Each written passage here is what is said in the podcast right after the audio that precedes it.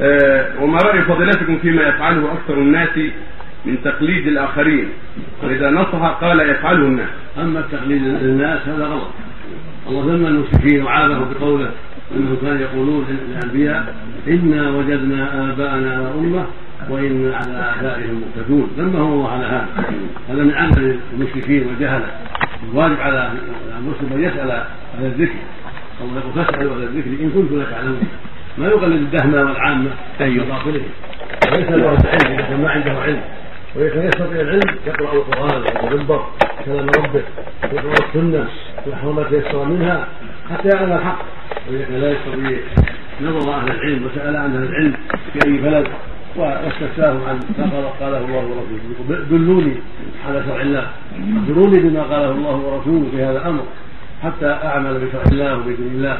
لا يقلد الناس ويمشي مع الناس في الحق والباطل لا. بل لا يمشي مع الناس إلا في الحق بس لا في الباطل.